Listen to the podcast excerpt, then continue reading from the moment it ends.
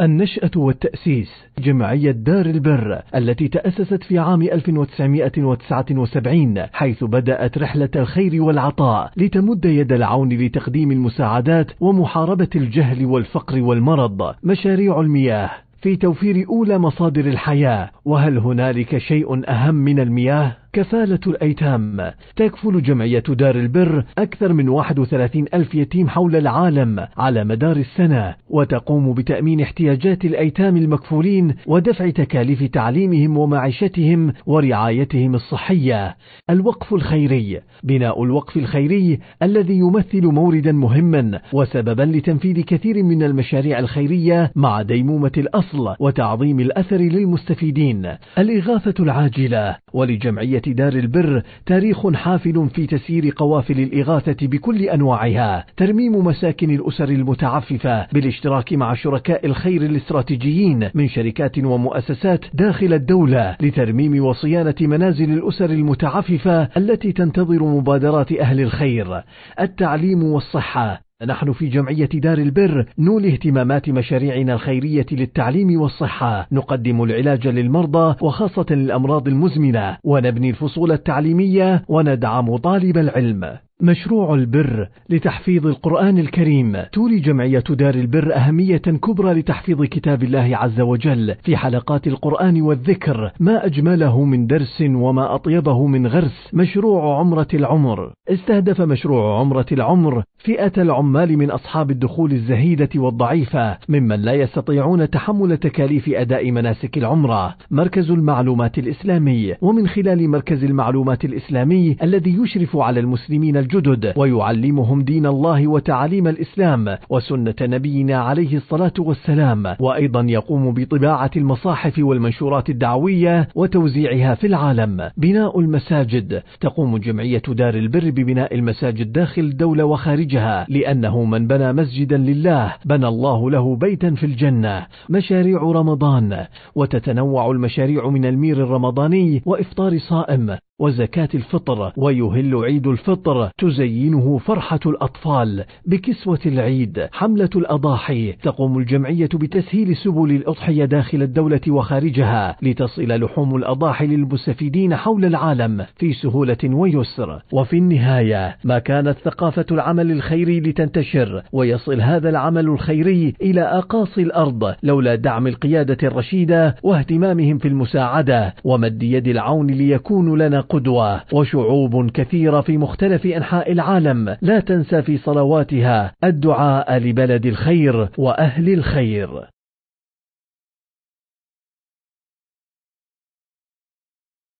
النشأة والتأسيس جمعية دار البر التي تأسست في عام 1979 حيث بدأت رحلة الخير والعطاء لتمد يد العون لتقديم المساعدات ومحاربة الجهل والفقر والمرض مشاريع المياه في توفير أولى مصادر الحياة وهل هنالك شيء أهم من المياه؟ كفالة الأيتام. تكفل جمعية دار البر أكثر من 31 ألف يتيم حول العالم على مدار السنة وتقوم بتأمين احتياجات الأيتام المكفولين ودفع تكاليف تعليمهم ومعيشتهم ورعايتهم الصحية. الوقف الخيري. بناء الوقف الخيري الذي يمثل موردا مهما وسببا لتنفيذ كثير من المشاريع الخيرية مع ديمومة الأصل وتعظيم الأثر للمستفيدين. الإغاثة العاجلة. ولجمعية دار البر تاريخ حافل في تسيير قوافل الإغاثة بكل أنواعها. ترميم مساكن الأسر المتعففة بالاشتراك مع شركاء الخير الاستراتيجيين من شركات ومؤسسات داخل الدولة لترميم صيانة منازل الأسر المتعففة التي تنتظر مبادرات أهل الخير. التعليم والصحة. نحن في جمعية دار البر نولي اهتمامات مشاريعنا الخيرية للتعليم والصحة. نقدم العلاج للمرضى وخاصة الأمراض المزمنة ونبني الفصول التعليمية وندعم طالب العلم. مشروع البر لتحفيظ القرآن الكريم. تولي جمعية دار البر أهمية كبرى لتحفيظ كتاب الله عز وجل في حلقات القرآن والذكر. ما أجمله من درس وما أطيبه من غرس. مشروع عمرة العمر. استهدف مشروع عمرة العمر فئة العمال من أصحاب الدخول الزهيدة والضعيفة ممن لا يستطيعون تحمل تكاليف أداء مناسك العمرة. مركز المعلومات الإسلامي. ومن خلال مركز المعلومات الإسلامي الذي يشرف على المسلمين الجدد ويعلمهم دين الله وتعاليم الإسلام وسنة نبينا عليه الصلاة والسلام وأيضا يقوم بطباعة المصاحف والمنشورات الدعوية وتوزيعها في العالم. بناء المساجد. تقوم جمعية دار البر ببناء المساجد داخل الدولة وخارجها لأنه من بنى مسجدا لله بنى الله له بيتا في الجنة. مشاريع رمضان. وتتنوع المشاريع من المير الرمضاني وإفطار صائم. وزكاة الفطر ويهل عيد الفطر تزينه فرحة الأطفال بكسوة العيد. حملة الأضاحي تقوم الجمعية بتسهيل سبل الأضحية داخل الدولة وخارجها لتصل لحوم الأضاحي للمستفيدين حول العالم في سهولة ويسر. وفي النهاية ما كانت ثقافة العمل الخيري لتنتشر ويصل هذا العمل الخيري إلى أقاصي الأرض لولا دعم القيادة الرشيدة واهتمامهم في المساعدة. ومد يد العون ليكونوا لنا قدوة وشعوب كثيرة في مختلف أنحاء العالم. لا تنسى في صلواتها الدعاء لبلد الخير وأهل الخير.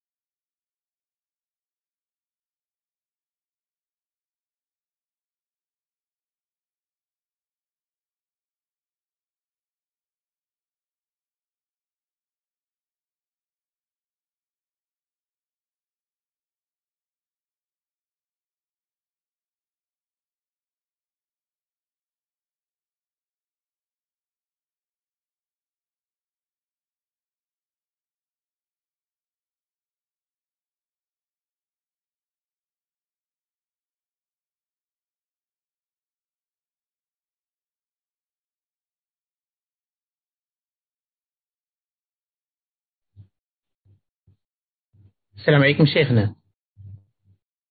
الميكروفون شيخنا ممكن تشغلونه من عندكم؟ الميكروفون مغلق السلام عليكم ورحمة الله وبركاته. عليكم السلام ورحمة الله وبركاته. حياكم الله شيخنا الله يحفظكم. الله يحفظ. الصوت واضح إن شاء الله؟ اي نعم الصوت واضح والصورة واضحة الله يحفظكم الحمد لله.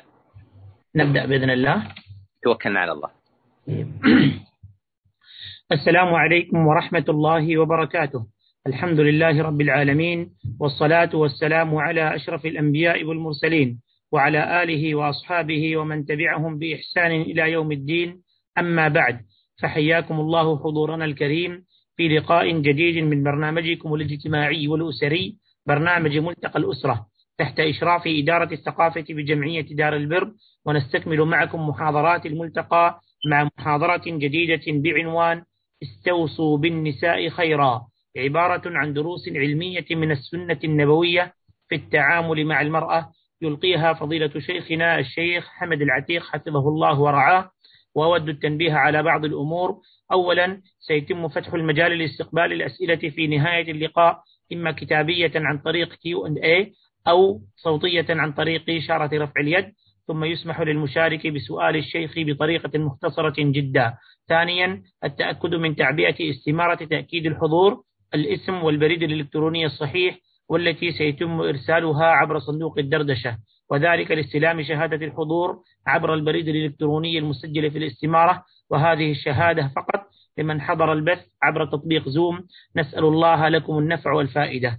والآن نبدأ بإذن الله تعالى محاضرتنا مع فضيلة شيخنا الشيخ حمد العتيق حفظه الله ورعاه. فمرحبا به. حياك الله فضيلة الشيخ فلتتفضل مشكورا مأجورا. حياكم الله وبياكم. الحمد لله رب العالمين وصلى الله وسلم وبارك على نبينا محمد وعلى آله وصحبه أجمعين. أما بعد فمرحبا بإخواني وأخواتي بأبنائي وبناتي. أسأل الله سبحانه وتعالى أن يرزقني وإياكم العلم النافع والعمل الصالح. وفي بداية هذه الجلسة أتقدم بالشكر الجزيل بعد شكر الله تعالى للإخوة والأخوات في جمعية دار البر على عقدهم لمثل هذه الملتقيات التي أسأل الله سبحانه وتعالى أن يجعلها حجة لنا لا علينا وأن يجعلها مقبولة عنده نافعة ومباركة على خلقه إنه على كل شيء قدير. عنوان هذه الجلسة أيها الإخوة والأخوات جزء من حديث النبي صلى الله عليه وسلم الذي رواه البخاري ومسلم من حديث أبي هريرة رضي الله عنه أن النبي صلى الله عليه وسلم قال استوصوا بالنساء خيرا. فالنبي صلى الله عليه وسلم يوصي الأمة يوصي الأمة بالنساء. وهذه الوصية ليست خاصة فقط بالرجال يعني النبي صلى الله عليه وسلم حينما يقول استوصوا بالنساء خيرا هو يوصي الرجال على النساء وأيضا مما يغيب على كثير من الناس أن هذا الحديث وكلام النبي صلى الله عليه وسلم أيضا موجه للنساء. فالنبي صلى الله عليه وسلم يوصي النساء بالنساء ويوصي الرجال بالنساء. فهذا يدل على عظم كمال هذا الدين الذي وصى فيه النبي صلى الله عليه وسلم بالنساء لا كما يزعم المخالفين أعداء الإسلام وأعداء المسلمين أن الإسلام عدو للمرأة وأن الإسلام هضم حق المرأة وأن الإسلام أضاع حقوق المرأة بل على العكس تماما لا يوجد نظام ولا تشريع ولا دين كفل للمرأة حقها وأعطاها ما ينفعها في أمر دينها ودنياها وآخرتها مثل ما في هذا الدين العظيم كما قال الله عز وجل اليوم أكملت لكم دينكم وأتممت عليكم نعمتي ورضيت لكم الإسلام دينا. فهذا الدين أي دين الإسلام الذي بعث به النبي صلى الله عليه وسلم حث على أن نرفق بالنساء أن نحسن إلى النساء أن نعطي النساء حقوقهن أن نبتعد عن ظلم النساء. وفي هذه المحاضرة أيها الإخوة والأخوات سأعرض إلى كثير من أحاديث النبي صلى الله عليه وسلم التي خص النبي صلى الله عليه وسلم النساء فيها بالمقال خص النبي صلى الله عليه وسلم فيها النساء بالوصية خص النبي صلى الله عليه وسلم فيها النساء بالحق. فالنبي صلى الله عليه وسلم الذي قال الله عز وجل فيه وإنك لعلى خلق عظيم. من خلق النبي صلى الله عليه وسلم العظيم أنه أحسن لنساء المؤمنين أحسن لنساء المسلمين. وهذا من كمال خلق النبي صلى الله عليه وسلم. فكما أنه على خلق عظيم هو على خلق عظيم خصوصا مع المرأة ومع النساء. ومن ذلك أيها الإخوة والأخوات اهتمام النبي صلى الله عليه وسلم بتعليم النساء وحثهن على ذلك. فإن من هدي النبي صلى الله عليه وسلم أن يحث النساء بل ويخصص لهن عليه الصلاة والسلام يوما يعلمهن ويعظهن فيه بأبي هو وأمي عليه الصلاة والسلام. فقد روى الإمام أحمد والبخاري ومسلم أن النساء جئن إلى رسول الله صلى الله عليه وسلم. وش جاءوا؟ لماذا جاءوا إلى النبي صلى الله عليه وسلم؟ انظروا جاءوا يشتكين. انظروا عظم همة أصحاب صاحبات النبي صلى الله عليه وسلم. ما جاءوا يشتكين للنبي صلى الله عليه وسلم من أجل أمر دنيوي. لا وإنما جاءوا يشتكين إلى رسول الله صلى الله عليه وسلم بقولهن غلبنا عليك الرجال. إيش معنى غلبنا عليك الرجال؟ يعني أكثر مجالسك وسفرك وجلوسك وكلامك ومواعظك مع الرجال. لأن النبي صلى الله عليه وسلم رجل يخالط الرجال أكثر من من النساء بأبي وأمي عليه الصلاة والسلام. فقلنا غلبنا عليك الرجال فاجعل لنا يوما من نفسك. يعني خصص لنا يوم نجتمع وتلقي علينا. يعني مثل ما يحصل اليوم يجعل يوم مخصص للنساء فيه درس أو موعظة أو كلمة أو محاضرة. من ذاك الوقت النساء طلبنا من النبي صلى الله عليه وسلم ذلك. فواعدهن, فواعدهن يوما عليه الصلاة والسلام فواعظهن وأمرهن. وكان النبي صلى الله عليه وسلم يحث الصحابة رضي الله عنهم وأرضاهم على تعليم نسائهم نسائهم. يعني ليس فقط النبي صلى الله عليه وسلم يحرص على تعليم النساء بل ويحث الأزواج على أن يعلموا زوجاتهن على أن يعلموا زوجاتهم. فقد روى البخاري ومسلم في صحيحيهما عن أبي موسى الأشعري رضي الله عنه قال قال رسول الله صلى الله عليه وسلم ثلاثة لهم أجران. النبي صلى الله عليه وسلم يخبر على بعض الأصناف من المؤمنين لهم الأجر مضاعف.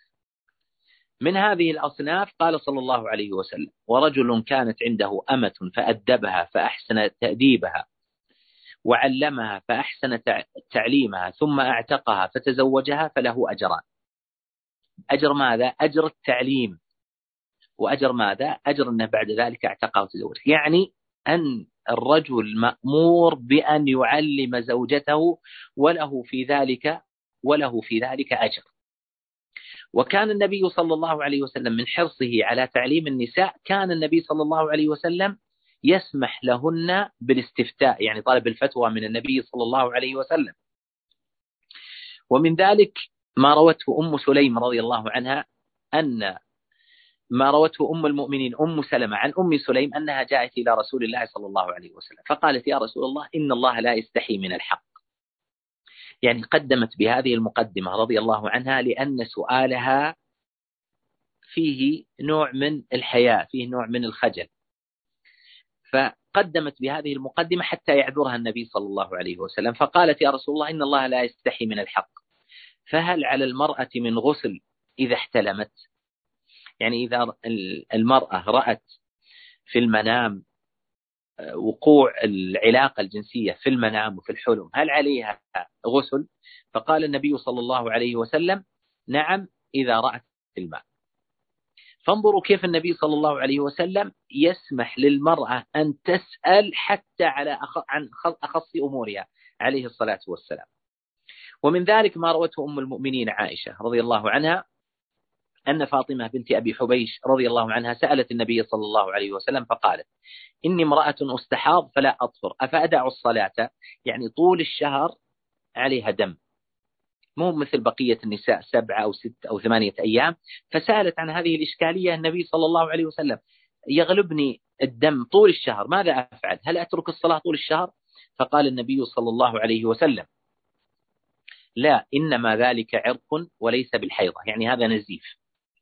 فإذا أقبلت الحيضة فدع الصلاة يعني وقتها أو ما تعرفينه من صفة الحيض وصفة دم الحيض.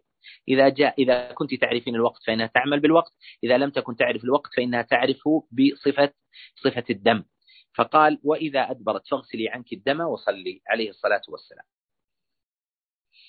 وسألت بعض زوجات الصحابة رضي الله عنها. النبي صلى الله عليه وسلم عن النفقة على أزواجها وأيتام في حجورها هل يجزئها يجزئ ذلك عنهما من الصدقة؟ يعني هذه زوجات غنيات وعندهم أيضا أيتام. هؤلاء الأيتام الأصل أن نفقتهم على وليهم على جدهم أو غيره. فالمرأة تسأل إذا كان عندي زوج فقير وأنفق عليها وعندي أيتام فقراء وأنفق عليهم من مالي لأني غنية هل لي أجر الصدقة في ذلك؟ فقال النبي صلى الله عليه وسلم لك أجران أجر القرابة وأجر وأجر الصدقة. فالنبي صلى الله عليه وسلم كان يفتح للنساء باب السؤال وباب وباب ماذا؟ وباب تعليم. بل إن النبي صلى الله عليه وسلم من عنايته ووصيته واستيصائه بالنساء خير عليه الصلاة والسلام كان النبي صلى الله عليه وسلم يخصص لهن وقتا من خطبة العيد بأبي هو وأمي عليه الصلاة والسلام. فعن ابن عباس رضي الله عنهما قال شهد النبي صلى الله عليه وسلم قال أشهد على رسول الله صلى الله عليه وسلم أنه صلى قبل الخطبة. ثم ثم خطب يعني العيد. فرأى أنه لم يسمع النساء فأتاهن فذكرهن ووعظهن وأمرهن بالصدقة عليه الصلاة والسلام. وعن جابر رضي الله عنه أن النبي صلى الله عليه وسلم قام يوم الفطر فصلى فبدأ بالصلاة قبل الخطبة. ثم خطب الناس فلما فرغ نبي الله عز وجل صلى الله عليه وسلم نزل وأتى النساء فذكرهن وهو يتوكأ على يد بلال وبلال باسط ثوبه يلقين النساء الصدقة. وقال صلى الله عليه وسلم مرة وهو يعظ النساء تصدقن فإني رأيتكن أكثر أهل النار. يعني النساء عليه الصلاة والسلام. فقال أو قلنا النساء فبما يا رسول الله؟ يعني لماذا نحن أكثر يعني أهل النار؟ فقال النبي صلى الله عليه وسلم بكفرهن يعني أن المرأة تكفر. فقيل أيكفرن بالله؟ يعني أن نكفر بالله يا رسول الله؟ قال لا. الكفر هنا ليس المراد به الكفر اللي يقابل الإيمان المراد هنا الكفر يعني الجحود. فقال لا يكفرن العشيرة ويكفرن الإحسان يعني يجحدن الزوج ونعمة الزوج ويكفرن يكفرن الإحسان.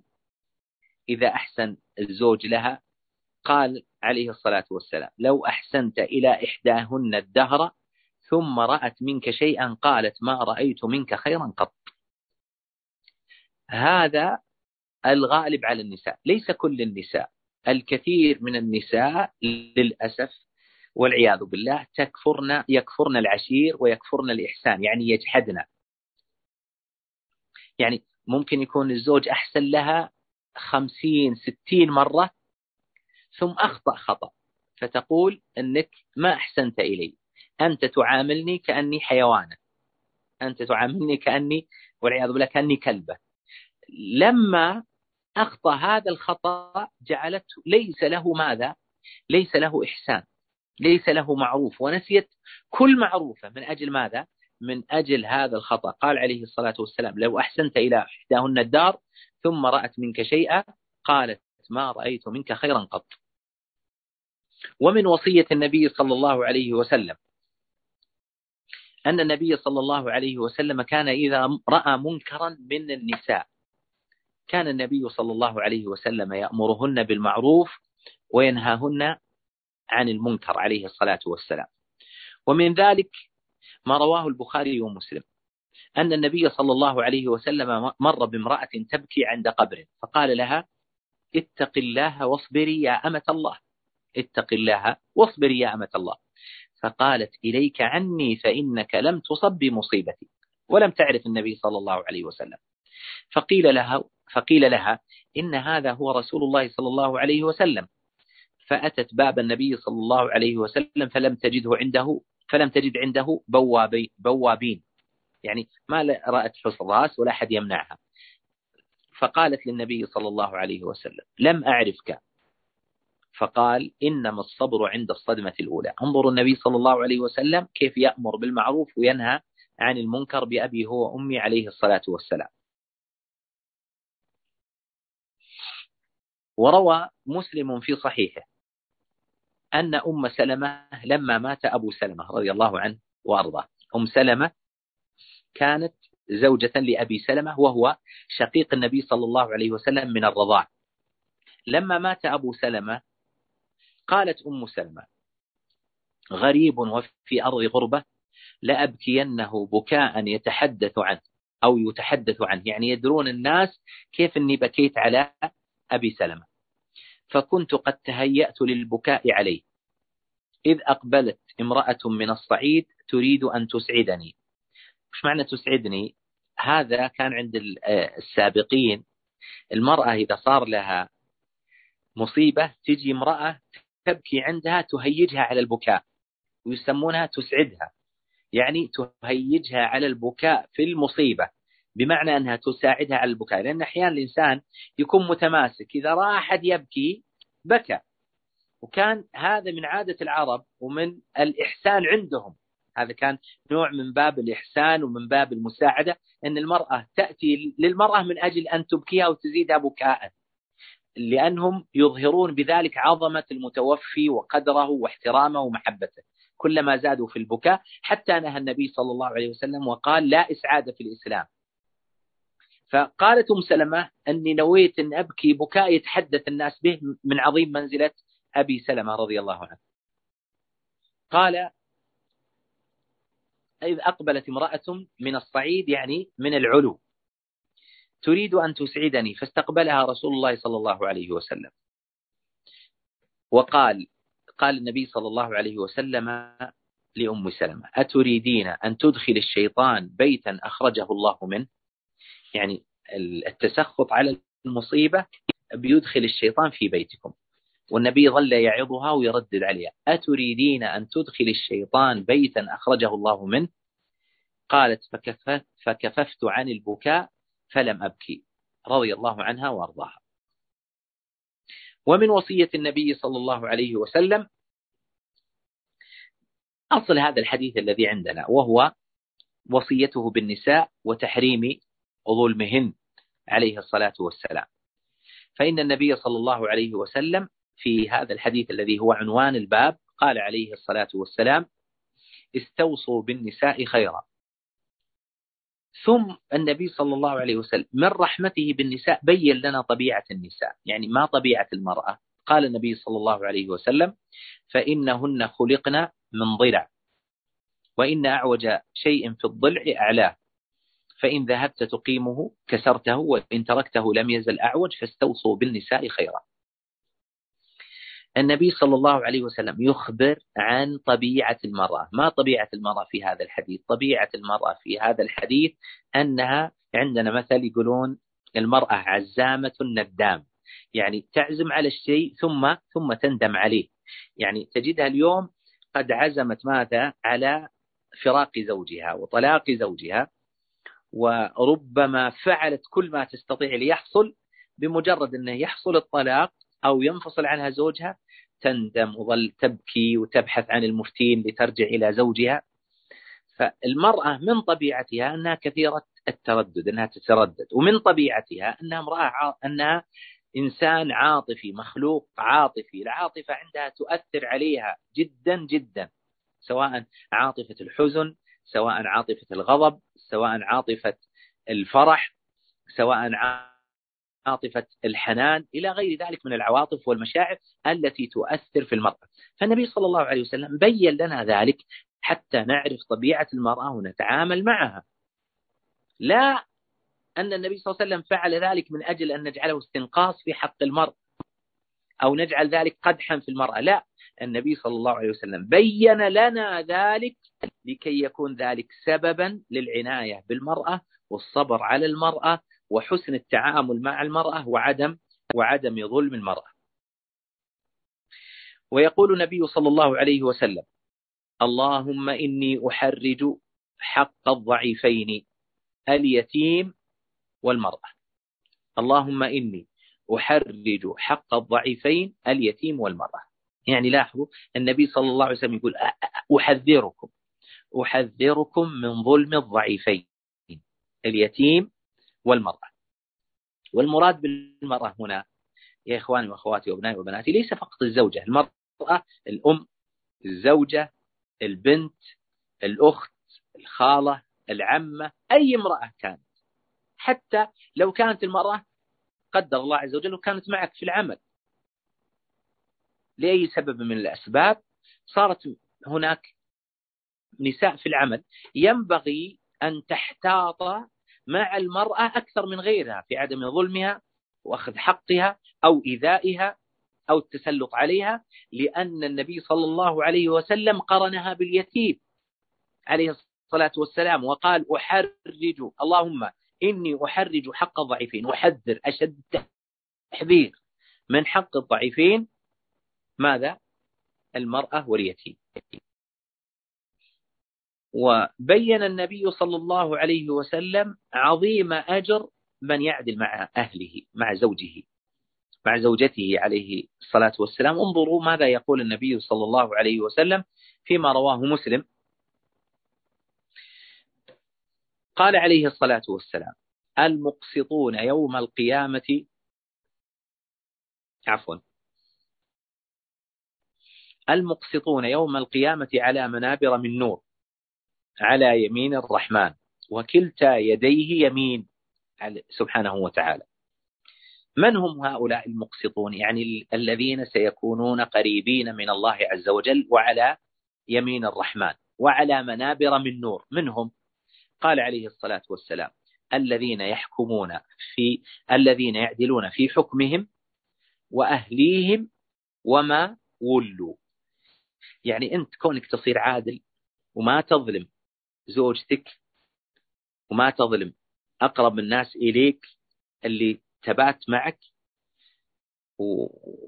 وهي الصاحب بالجنب كما فسر ذلك. إذا صرت تعدل معها ولا تظلمها يكون هذا سبب أن تكون من الذين على منابر من نور على يمين الرحمن سبحانه وتعالى. وكان من هدي النبي صلى الله عليه وسلم مع النساء بأبي هو وأمي عليه الصلاة والسلام أنه بين لنا عليه الصلاة والسلام أنه لا يجوز للرجل ولو كان يرحم المرأة ويحسن للمرأة أنه لا يجوز له أن يصافحها إذا كانت أجنبية عنه وليست ذات محرم له. فقد روي عن النبي صلى الله عليه وسلم بل صح عن النبي صلى الله عليه وسلم الوعيد الشديد فيما رواه الطبراني بإسناد صحيح أن النبي صلى الله عليه وسلم قال لأن يطعن في رأس أحدكم بمخيط من حديد خير له من أن يمس امرأة لا تحل له. وكان النبي صلى الله عليه وسلم يقول إني لا أصافح لا أصافح النساء. عليه الصلاة والسلام. فهذا الوصية بالنساء يا أبنائي وبناتي لا يعني أن الإنسان يتساهل فيما حرمه الله ورسوله صلى الله عليه وسلم. قد يبتلى الرجل وتبتلى بعض المجتمعات إلى أن يكون العمل مختلط وبعض البيئات يكون فيها اختلاط بين الرجال والنساء. هذا لا يعني حينما يأمرنا الله ورسوله بالوصية بالنساء برحمة النساء بالإحسان للنساء بعدم ظلم النساء لا يعني ذلك أن نتساهل في حق الله عز وجل. وما أمر الله به ورسوله صلى الله عليه وسلم أو ما نهى الله ورسوله صلى الله عليه وسلم عنه. ومن ذلك ما يتساهل الإنسان في مصافحة الأجنبية. ولا يقول الإنسان إني أحرجت بل يقوم بحق الله سبحانه وتعالى. وإذا كان الإنسان أحرج أو استحيا من هذه المرأة فينبغي عليه أن يستحيي من الله عز وجل مئة مرة سبحانه وتعالى. ومن ذلك أن الله سبحانه وتعالى حرم علينا النظر للأجنبية. قال الله تعالى قل للمؤمنين يغضوا من أبصارهم. وقال النبي صلى الله عليه وسلم فيما رواه البخاري ومسلم إن الله كتب على ابن آدم حظه من الزنا أدرك ذلك لا محالة. فزن العين النظر وزن اللسان المنطق والنفس تتمنى وتشتهي والفرج يصدق ذلك ويكذبه. يعني النبي صلى الله عليه وسلم نهى عن الزنا والفاحشة ونهى عن كل درجاتها وطرقها وما يؤدي إليها. نهى النبي صلى الله عليه وسلم عن النظرة المحرم عليه الصلاة والسلام وعد ذلك من زنا العين. وحرم الله النبي صلى الله عليه وسلم اللفظ المحرم مع المرأة الذي يقود إلى الحرام وعده من زنا اللسان عليه الصلاة والسلام. ولما سأل جرير بن عبد الله رضي الله عنه النبي صلى الله عليه وسلم فيما رواه مسلم قال سألت رسول الله صلى الله عليه وسلم عن نظر الفجاء. يعني كان إنسان يمشي في السوق ولا في الشارع أو أي مكان وقع نظره على امرأة أجنبية بدون ما يقصد. هل الإنسان يأثم على نظر الفجأة أو الفجاءة؟ فقال جرير رضي الله عنه فأمرني النبي صلى الله عليه وسلم أن أصرف بصري. فانظروا النبي صلى الله عليه وسلم من وصيته بالنساء عليه الصلاة والسلام ومن حرصه على النساء عليه الصلاة والسلام. علمنا النبي صلى الله عليه وسلم كيف نتعامل مع هذه المرأة. أن الإنسان لا يصافح المرأة الأجنبية. لا يجوز له أن يصافحها ولا يجوز له أن ينظر إليها. ولو وقع نظره عليها نظر الفجاءة فإنه يصرف بصره. ومن ذلك أيضا صح عن النبي صلى الله عليه وسلم أنه قال ما خلا رجل بامرأة إلا كان الشيطان ثالثهما. عليه الصلاة والسلام. وهذا نهي من النبي صلى الله عليه وسلم لأجل المرأة. ألا يخلو بها الرجل لئلا يكون ذلك سببا في وقوع الحرام وهذا من كمال الشريعة يا إخواني وأخواتي وأبنائي وبناتي. الشريعة إذا نهت عن شيء لا يمكن أن تبيح كل ما يؤدي إليه. هذا مستحيل. ويكون هذا من التناقض في الأحكام. بل إذا نهت الشريعة عن شيء نهت عن كل ما يؤدي إليه. وهذا الذي يسميه علماء أصول الفقه بسد الذرائع. يعني إذا نهى الله عز وجل عن محرم نهى عن كل ما يؤدي إليه. طيب نهى الله عز وجل عن الزنا والوقوع في الفاحشة. انظروا كيف أن الله ورسوله صلى الله عليه وسلم حرموا كل خطوات الخطوات التي تؤدي إلى الزنا. حرموا الخلوة بالمرأة حرموا النظر للأجنبية. حرموا مصافحة المرأة الأجنبية. كل ذلك من أجل من؟ من أجل حماية المرأة أن يتسلط عليها المجرمون ويوقعوها فيما حرمه الله ورسوله صلى الله عليه وسلم. ومن وصية النبي صلى الله عليه وسلم بالمرأة أن الله ورسوله صلى الله عليه وسلم حرموا الكلام في أعراض المؤمنات وقذف المحصنات الغافلات. قال الله عز وجل إن الذين يرمون المحصنات الغافلات المؤمنات لعنوا في الدنيا والآخرة ولهم عذاب عظيم. وقال الله عز وجل والذين يؤذون المؤمنين والمؤمنات بغير ما اكتسبوا فقد احتملوا بهتانا وإثما مبينا. والكلام في أعراض المؤمنات يا إخواني وأخواتي وأبنائي وبناتي ليس المراد فقط رميهم بالفاحشة. يعني هذا ليس فقط خاص بأن يقال فلانة وقعت في الزنا أو وقعت في الحرام وقعت في الفاحشة. بل يشمل هذا كل ما المرأة بريئة منه. لذلك ينبغي المرأة أن تحذر من الكلام في أختها وترميها بشيء لم تقع فيه. تجي واحدة تقول والله فلانة سوت وفعلت كذا وكذا وهي لم تفعله. تريد فقط أن تقدح فيها وأن تذمها. فعلت أو قالت كذا وكذا وكل هذا من البهتان والباطل. تأتي قائلة وتقول طيب إذا كان من الحق إذا كان حتى لو كان من الحق لا يجوز أن تتكلم أن نتكلم في غيرنا. فإن كان بغ... فإن كان بحق فهو من الغيبة.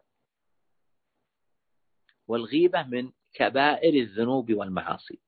وإن كان ليس من الحق فإنه يعتبر من البهتان ومن رمي المؤمنين والمؤمنات بغير ما اكتسبوا الذي قال الله عز وجل والذين يؤذون المؤمنين والمؤمنات بغير ما اكتسبوا فقد احتملوا بهتانا وإثما مبينا. وفي الصحيحين قال عليه الصلاة والسلام اجتنبوا السبع الموبقات. قال وما هن يا رسول الله؟ فذكر النبي صلى الله عليه وسلم حتى وصل إلى قوله قذف المحصنات المؤمنات الغافلات. السبع الموبقات يعني أعظم الذنوب. تدرون أن الله عز وجل قرن ذلك بالشرك بالله عز وجل والكفر بالله سبحانه وتعالى. فقذف المحصنات المؤمنات من أعظم من أعظم الكبائر عند الله سبحانه وتعالى. ومن وصية النبي صلى الله عليه وسلم بالنساء. أن النبي صلى الله عليه وسلم أمرنا وحث على حسن الاستخلاف في أهالي المسلمين. ما معنى حسن الاستخلاف في أهالي المسلمين؟ يعني إذا غاب الرجل عن زوجته وعن بناته أنك تكون محسن إلى هؤلاء النسوة حين غيبة الولي عليهن القائم عليهن.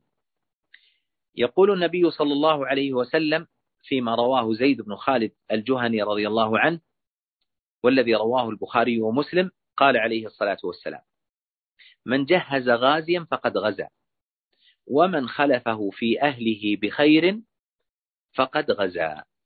يعني إنسان خرج للغزو للجهاد في سبيل الله مع إمام المسلمين وبقت زوجته وأولاده ونسائه وبناته ثم صار يحسن إليهن يكتب له أجر المجاهد في سبيل الله سبحانه وتعالى. ومثل ذلك تجد إنسان خرج يطلب الرزق وسافر وترك زوجته وبناته وأولاده فحينما تخلفهم فيه خيرا يكون لك أعظم الأجر عند الله سبحانه وتعالى.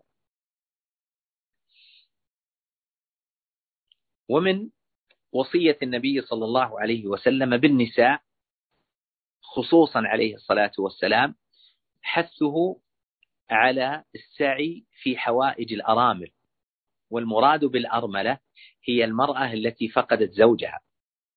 فالنبي صلى الله عليه وسلم وصى بالنساء عموما عليه الصلاة والسلام وأوصى عليه الصلاة والسلام بالأرامل خصوصا وهي التي وهي التي فقدت وهي التي فقدت زوجها.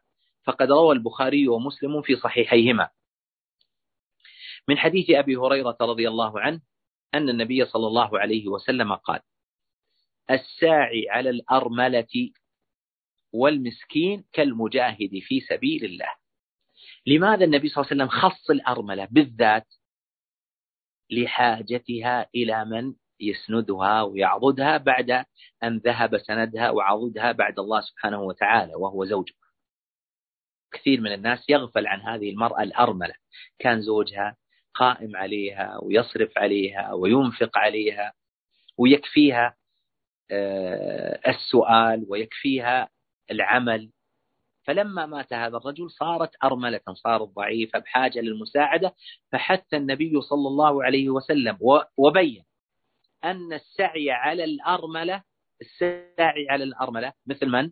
كالمجاهد في سبيل الله يعني الآن الواحد منا يتمنى الجهاد في سبيل الله وأن يكون من المجاهدين في سبيل الله. ولا تجد طريقا لذلك الفعلي الحقيقي. هناك أبواب أخرى جعلها النبي صلى الله عليه وسلم توازي هذا الباب إذا أغلق باب الجهاد وهو السعي والقيام على على المرأة. ومن حرص النبي صلى الله عليه وسلم ووصيته بالنساء عليه الصلاة والسلام هديه عليه الصلاة والسلام في بيته مع زوجاته بأبي هو وأمي عليه الصلاة والسلام. وهدي النبي صلى الله عليه وسلم في بيته مع زوجاته أكمل الهدي بأبي هو وأمي عليه الصلاة والسلام. يكفي لو فقط عرفنا هدي النبي صلى الله عليه وسلم مع زوجاته وفي بيته لنعرف كيف هو عظيم خلق النبي صلى الله عليه وسلم. فمن ذلك ما رواه البخاري ومسلم من حديث الأسود بن يزيد أن أم المؤمنين عائشة سئلت عن النبي صلى الله عليه وسلم ما كان النبي صلى الله عليه وسلم يصنع في بيته؟ شوفوا النبي يدخل في البيت. وش النبي؟ وش إذا جلس معكم وش يسوي عليه الصلاة والسلام؟ ماذا يفعل؟ فقالت كان في مهنة أهله فإذا سمع الأذان خرج.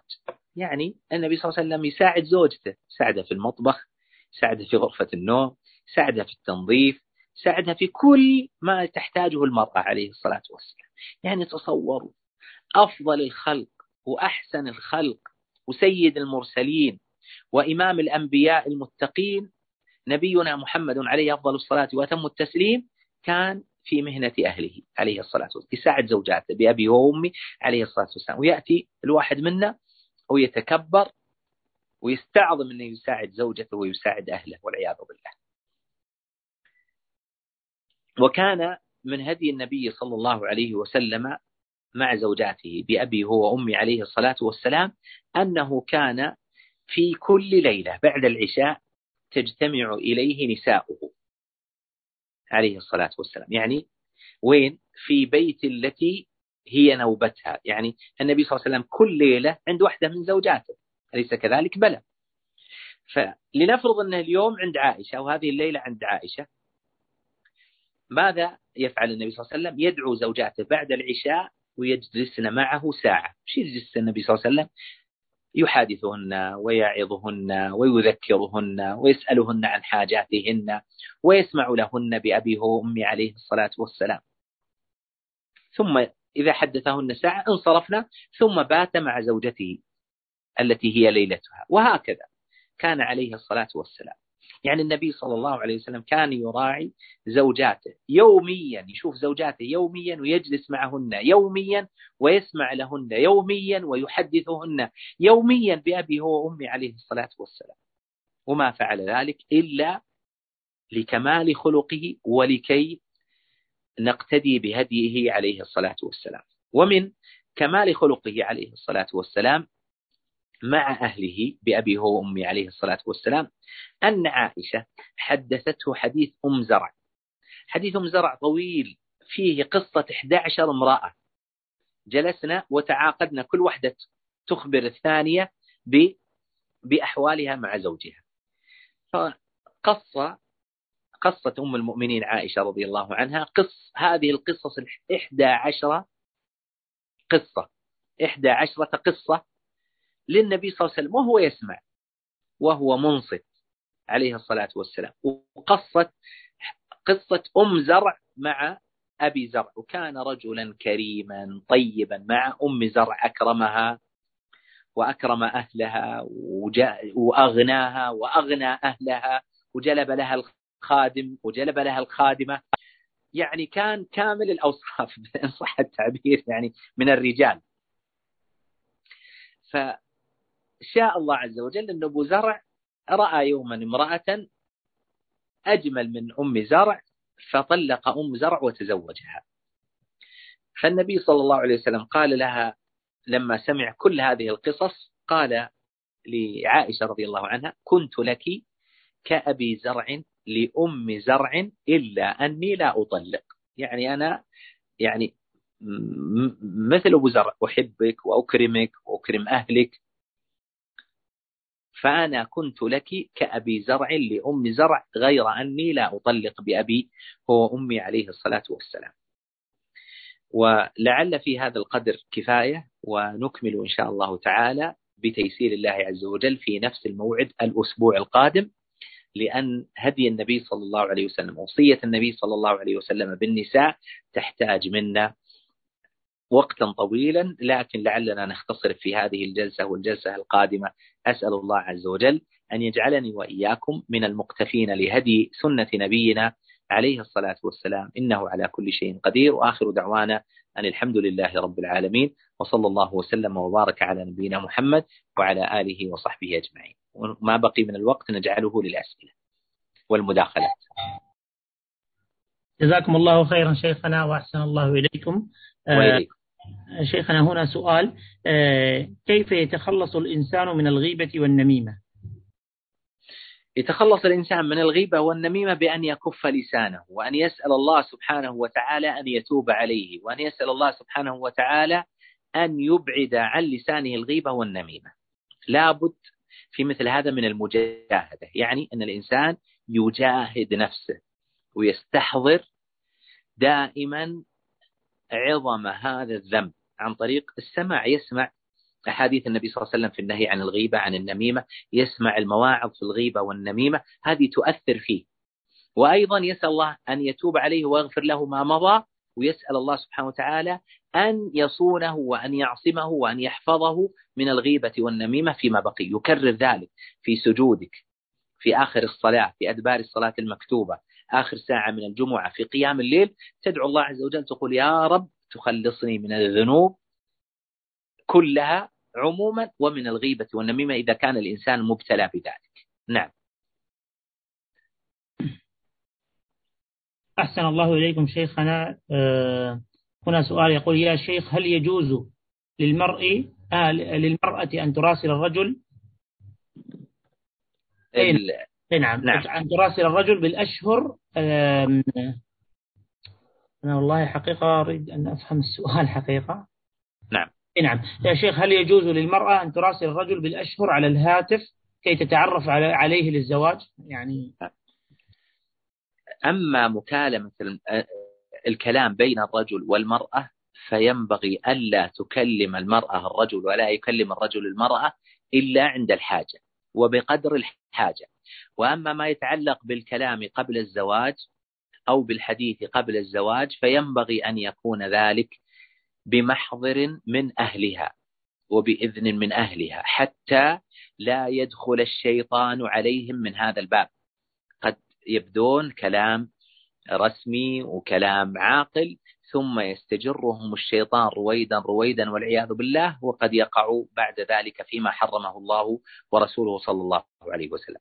إذا كانت المرأة تريد أن تكلم الرجل أو الرجل يريد أن يكلم المرأة قبل الخط قبل العقد فوصيتي لإخواني وصيتي لأخواتي أن يكون ذلك أولا بقدر الحاجة وليس بقصد ماذا؟ بقصد ما يسمى بالأوقات والتونس وال... ومثل ما يقولون المرح والترفيه أن يكون بقدر الحاجة لسؤال للسؤال عن أهدافه عن الزواج للسؤال عن أحواله أو الرجل يسأل المرأة عن أهدافها في الزواج عن أحوالها عن آه، تعليمها عن وظيفتها وهو تسأله عن تعليمه عن وظيفته عن البيت الذي آه، سيكون فيه ويكون ذلك بإذن من أهلها وبمحضر من أهلها حتى نقطع على الشيطان الطريق. نعم. أحسن الله إليكم شيخنا. هنا سؤال آه، ما حكم عبارة بأبي, بأبي وأمي أنت يا رسول الله هذا شيخ اي نعم تفضل نعم هذا كان يقوله الصحابة رضي الله عنهم لرسول الله صلى الله عليه وسلم وكانوا يفدونه بآبائهم وأمهاتهم لماذا؟ لأن النبي صلى الله عليه وسلم أعظم حقا وأعظم محبة من من محبتنا لآبائنا وأمهاتنا ومن حق آبائنا وأمهاتنا. نعم. آه، أيضا هنا سؤال هل يجوز للمرأة أن تتصدق من مال أعطاه إياها زوجها لنفسها؟ نعم إذا ملكها هذا المال تفعل به ما تشاء وتتصدق به. آه طيب آه هل هناك أسئلة شفهية؟ من يريد أن يسأل سؤال شفهي ممكن يرفع إشارة رفع اليد. أي نعم هنا أيضا سؤال شيخنا مكتوب إلى أن تصل الأسئلة الشفهية.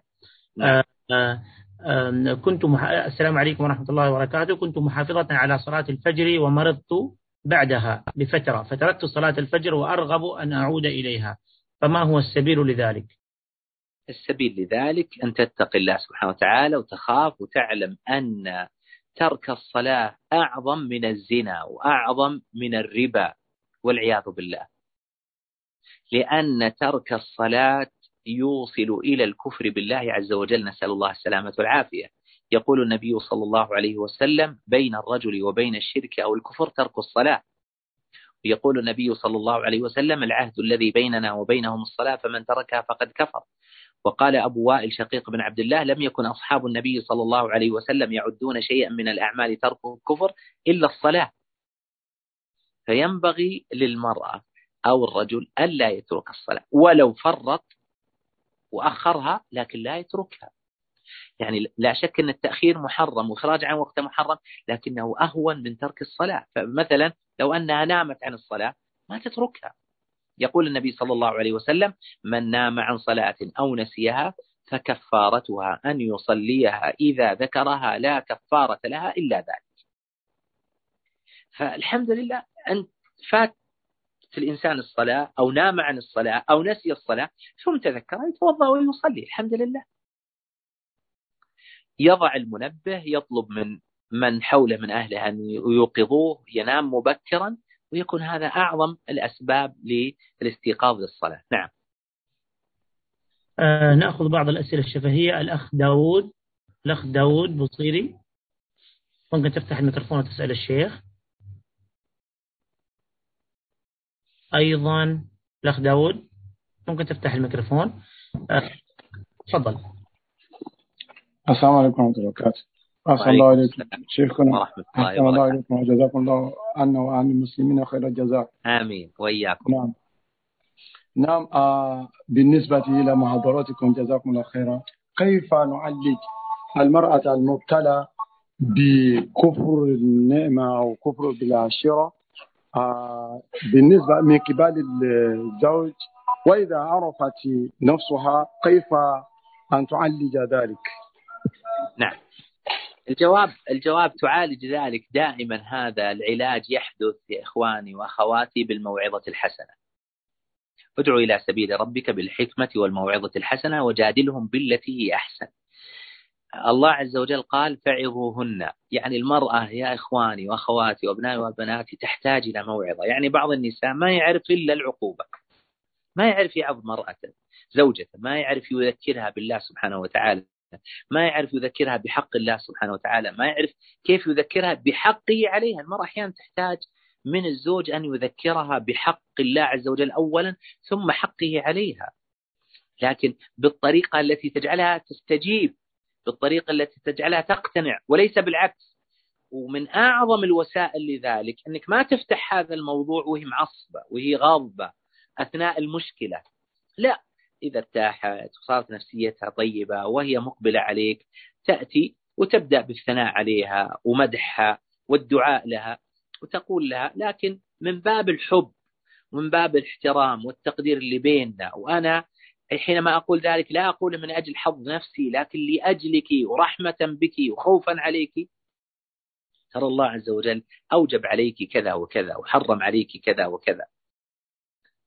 وقال النبي صلى الله عليه وسلم كذا وكذا. فالمرأة تحتاج إلى الموعظة تحتاج إلى التذكير كما أن الرجل يحتاج إلى الموعظة ويحتاج إلى التذكير لكن بالأسلوب الطيب المناسب. نعم.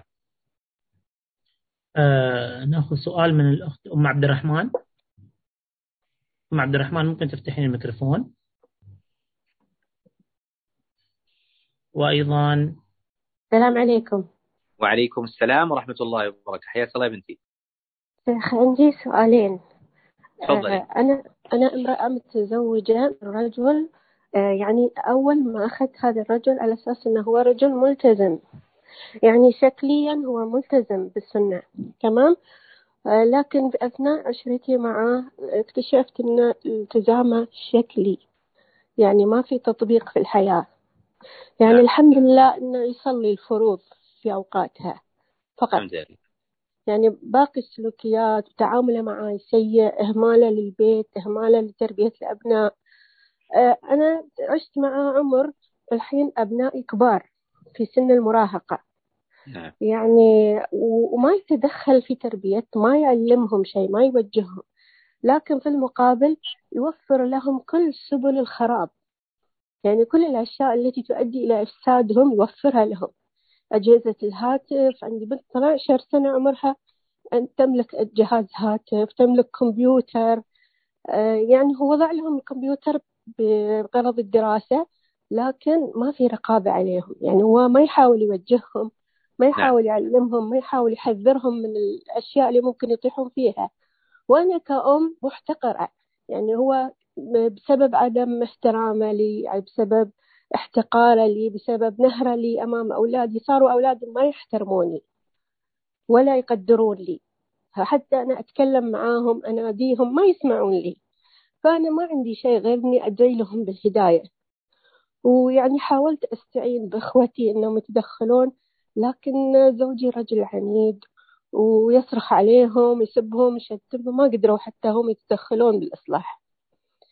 فقالوا لي أنت يعني ليش ما لك غير رب العالمين؟ أنت ادعي واصبري وإن شاء الله أنت مجاهدة.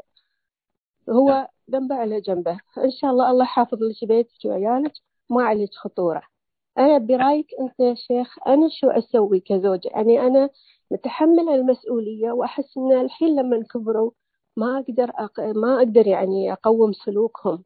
والأب ما يتدخل يعني هو يتدخل إنه يوفر لهم المال ويوفر لهم كل شيء يحتاجونه يعلمهم الإسراف والتبذير لكن ما يعلمهم الخوف من الله ما يسألهم عن صلاة ما يسألهم عن تلاوة قرآن أو حفظ أو يسألهم إذا التزموا بدراسة ولا لا. امتحنوا ولا ما امتحنوا كيف مستواهم كيف سمعتهم بين الناس فقط. لكن ما بينهم وبين الله لا يسأل عنه. ما هو المستعان. الله الله يشهد علي إني ما قلت إلا الصدق. زين طيب. سؤال. هذا السؤال يا شيخ. خلني آه. أجاوب عليه ثم نجاوب نجاوب على السؤال الثاني. الله تفضل. بالنسبة لهذا السؤال اللي سألتيني يا بنتي المرأة إذا وقعت في مثل هذا الأمر الآن العيال كبار وبلغوا سن المراهقة فمثل هذا الأمر يقول الله عز وجل فيه فاتقوا الله ما استطعتم. تصير المرأة تحاول أن تبذل ما تستطيع ولا يكلف الله نفسا إلا وسعها. أنت عليك الإرشاد عليك التوجيه عليك الدعاء عليك الاستغاثة بالله سبحانه وتعالى عليك إحسان الخلق. وأهم شيء أهم شيء يا أختي الكريم أهم شيء في هذا الموضوع ألا ينقطع الود بينك وبين أولادك.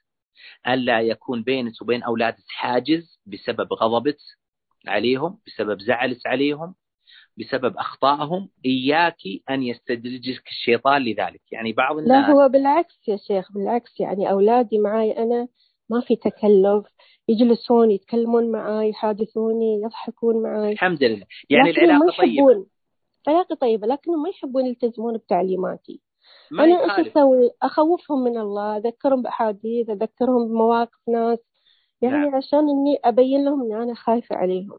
طيب هذا لكن... تدرين تدرين هذا اللي حدث لك حدث للأنبياء والمرسلين. نوح ولوط زوجاتهم كفار كافرات. نعم. نوح ولده كافر عليه الصلاة والسلام. النبي صلى الله عليه وسلم عمه كافر. صحيح. وأولاد عمه كفار. بس أنا وين وين الأنبياء فرق السماء والأرض. لا لا أفهميني أفهميني أفهميني الله يرضى عليك الكلام إنه يعني كون الإنسان يقع في مجتمع فيه مخالفات هذا قضاء الله وقدره. كيف نتعامل معه؟ اتقوا الله ما استطعتم. اللي أنت قاعد تسوينه الله يبيض وجهك وعين توفقك اللي هو النصيحة التذكير الأمر بالمعروف النهي عن المنكر إحسان الخلق معهم الدعاء لهم الاستغاثة بين يدي الله عز وجل في أوقات الإجابة. هذا الذي كلفك الله عز وجل والتي تستطيعين. ولا أنا يا شيخ أني أنا أتعرض يعني منهم للاحتقار لعدم الاحترام. يعني ممكن نصيحة أقول ممكن ممكن يوبخوني ممكن يصرخون علي ممكن يعتبرون أنا كلامي غلط. لذلك اصبري الله عز وجل قال فلعلك باخع نفسك على آثارهم. يعني أنت تموت إن لم يؤمنوا بهذا الحديث أسفا لابد تأخذين الأمر بقدره ولا ترفعين سقف التوقعات. يعني ما دام هذه حالتهم لازم توطنين نفسك على الصبر على مثل هذه الأمور وتسألين الله عز وجل لهم الهداية وإياك أن يجرك الشيطان للدعاء عليهم مثلا والعياذ بالله. وإنما اعتبري هذا من ماذا؟ من البلاء الذي ابتلاك الله عز وجل به والذي يقول فيه النبي صلى الله عليه وسلم يبتلى المؤمن على قدر دينه. هذا بلاء من الله سبحانه وتعالى. لابد أن يواجه بالصبر والاحتساب والثبات على دعوتهم وأمرهم بالمعروف ونهي عن المنكر وستجدين ما يسرك. لكن بعد ماذا؟ بعد أن يعرف الله عز وجل صدقك لأن الله عز وجل يقول والذين جاهدوا فينا لنهدينهم سبلنا.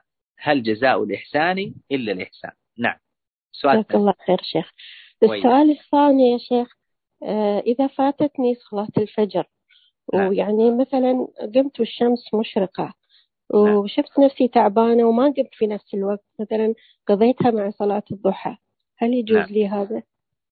الأصل أنك إذا استيقظتي أنك تقومين توضين تصلين في أي وقت لكن لو فرض أنك ما استطعتي وما استيقظتي إلا على صلاة الظهر. أول ما تبدين صلاة الفجر ثم صلاة الظهر.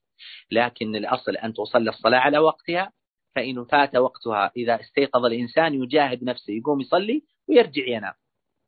نعم. جزاك الله خير. يا طيب. شيخ بس أنا عندي آه، في شيء نسيته في موضوعي مع زوجي أن ولدي الكبير هو أول ولد يعني خلص دراسته. زوج نعم. ولدي دون رضاي نعم.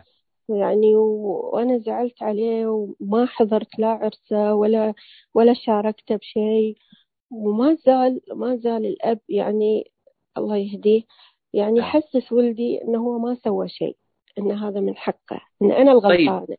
طيب يا بنتي أو يا أختي الكريمة الله يحفظ الآن حينما أنت ما تحضرين الزواج وتقطعين ولدك وتهجرينه هل استفاد الولد؟ لا أكيد ما استفاد بس هل استفاد بس أنا ما أقدر أنا ما أقدر أحضر وأمثل للناس إني فرحانة. خلي خليني أقول لك خليني أقول لك يا بنتي خليني أقول لك يا أختي. هل استفاد الأب واستفاد الولد من هذا من هذا الهجر؟ لا ما استفادوا. ما استفاد. أنا ما أنا ما هجرتهم لكني ما حضرت العرس. ما حضرت. أنا لو شاورتيني يا بنتي يا أختي كان بقول لك روحي وحضري حتى لو أنك زعلان. ليش؟ لأن هذه أسرة جديدة هذه زوجة ولدك. لابد أنك مثل ما قلت لك أول إياك أن يوقعك الشيطان في الفخ فتقطع العلاقة الودية بينهم.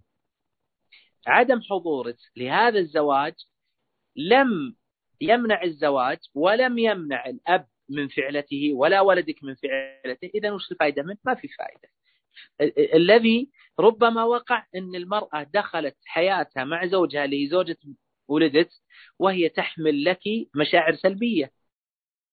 ان حماتي ما حضرت الزواج. ان حماتي ما تحبني.